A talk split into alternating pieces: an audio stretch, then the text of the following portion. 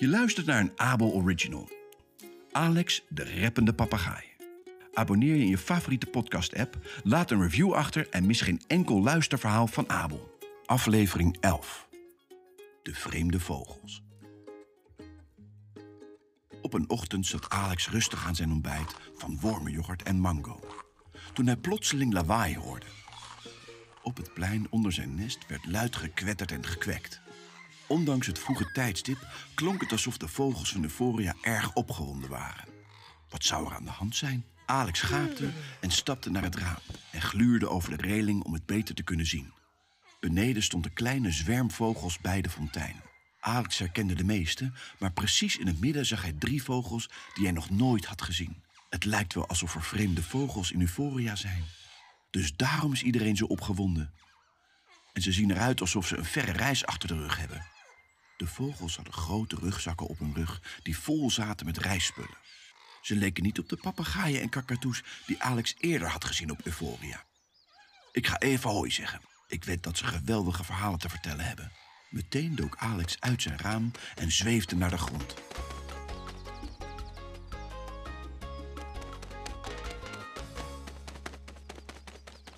Toen hij dichter bij de fontein kwam, zag hij dat de vreemde vogels lachten en naar hem keken. Ze hadden lange, kleurrijke snavels en glanzende zwarte veren.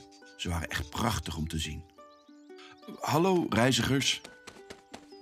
Alex landde recht voor de vreemde vogels. Hij spreidde zijn vleugels wijd om zichzelf voor te stellen. Eh, ik ben Alex, de rappende papegaai van dit paradijselijk eiland. Eh, hoe heten jullie? De drie vogels glimlachten naar hem, maar ze zeiden geen woord. Eh, dat geeft niet. Ik ben ook verlegen als ik eh, nieuwe vogels ontmoet. Ik vroeg me gewoon af hoe jullie heten. Dus eh, waarom zijn jullie naar Euphoria gekomen? Hebben jullie iets nodig? Een van de drie vogels keek naar Alex en kwetterde.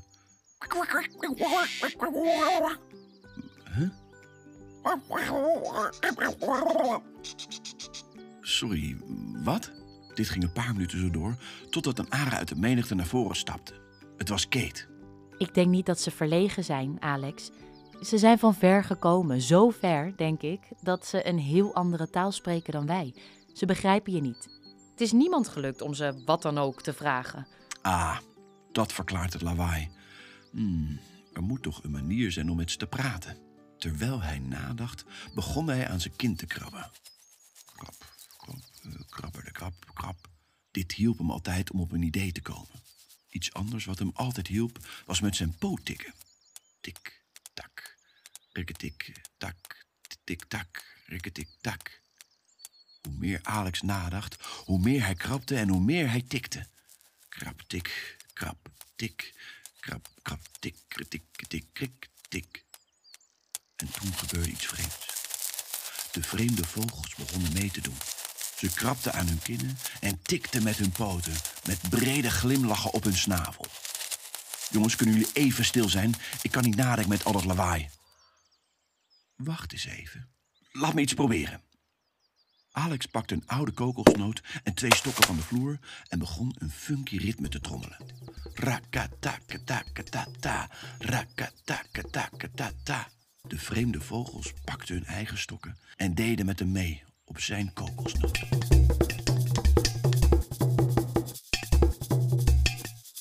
Het was verbazingwekkend. Ze trommelden mee op het ritme alsof ze dit deuntje al hun hele leven kenden. Alex draaide zich om naar de menigte papegaaien. Jongens, er is een taal die iedereen begrijpt. Muziek. Iedereen in de hele wereld spreekt de taal van muziek. Laten we eens kijken of we het kunnen gebruiken om te communiceren.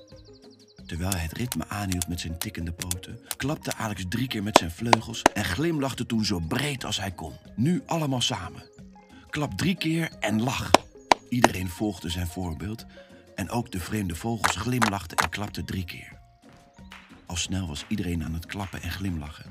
Het had gewerkt. Geweldig. Nu ze weten dat we allemaal vriendelijk zijn, kunnen we ze thuis laten zien. Eens kijken of we erachter kunnen komen waarom ze hier zijn. Aha, ik heb het. Alex gaf de vreemde vogels een kokosnoot en stokken om hen te laten weten dat hij klaar was om te luisteren. De vreemde vogels dachten even na en toen vulde een van hen de kokosnoot met kleine steentjes en wikkelde er een blaadje omheen om de steentjes binnen te houden. Alex keek toe hoe de vogels rond het plein dansten, schuddend met de kokosnoot terwijl ze naar de hemel keken. Het geluid klonk als vallende regen.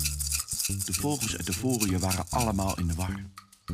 Maar Alex wist precies wat ze bedoelden. Precies wat ik al dacht. Alex vloog de lucht in. Geen van de vogels snapte daar iets van. Alex, waar ga je heen? Naar de fontein. Het duurt maar een minuut. En ja, even later kwam Alex terug met een kom water. De vreemde vogels sprongen blij op en neer. Toen Alex de kom naar ze toe bracht, slurpte ze het in één keer leeg. Ze waren zo blij dat Alex hem begreep dat ze zijn vleugels vastpakten en samen begonnen te dansen rond het stadsplein. Na een poosje dansten alle vogels op de muziek van hun eigen getikkende poten en zwiepende veren. Alex werd enthousiast. Het was het perfecte moment voor een rap. Deze vreemde vogels spreken anders dan wij. Zij snappen niet wat ik net zei. Gereden nog voor paniek, want we begrijpen allemaal de muziek. We maken een ritme en een rijm. Geen woorden, maar muziek, dat is het geheim. Gelukkig kraakten we de code op tijd. Ze hadden dorst, dat is een feit. We willen ons bezoekers leren kennen, zodat ze snel aan ons kunnen wennen. Ik vind ze aardig en daarom wil ik weten of ze misschien ook wat willen eten.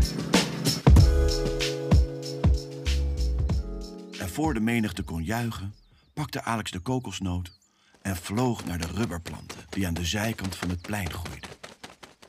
Eén ervan was opengesneden en het rubber was eruit gedruppeld en opgedroogd als een dun laagje. Perfect. Alex spande het over de kokosnoot en maakte zo een gloednieuwe trommel.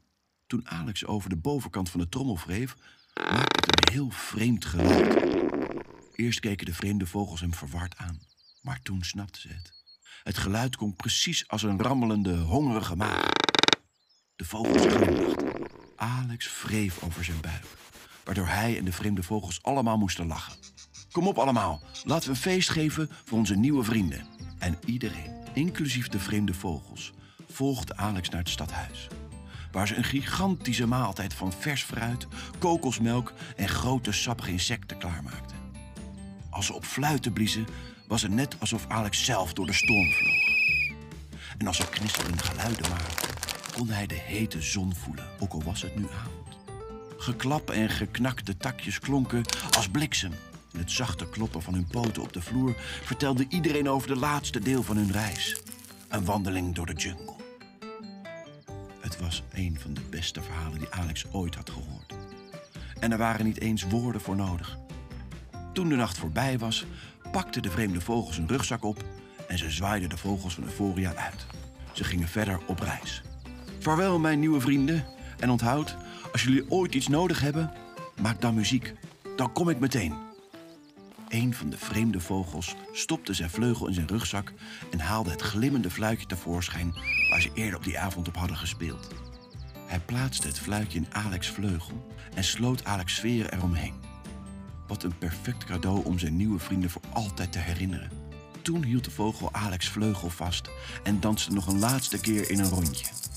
Ze klapten allebei drie keer en glimlachten zo breed als ze konden. En toen vlogen de vreemde vogels de sterrenhemel in.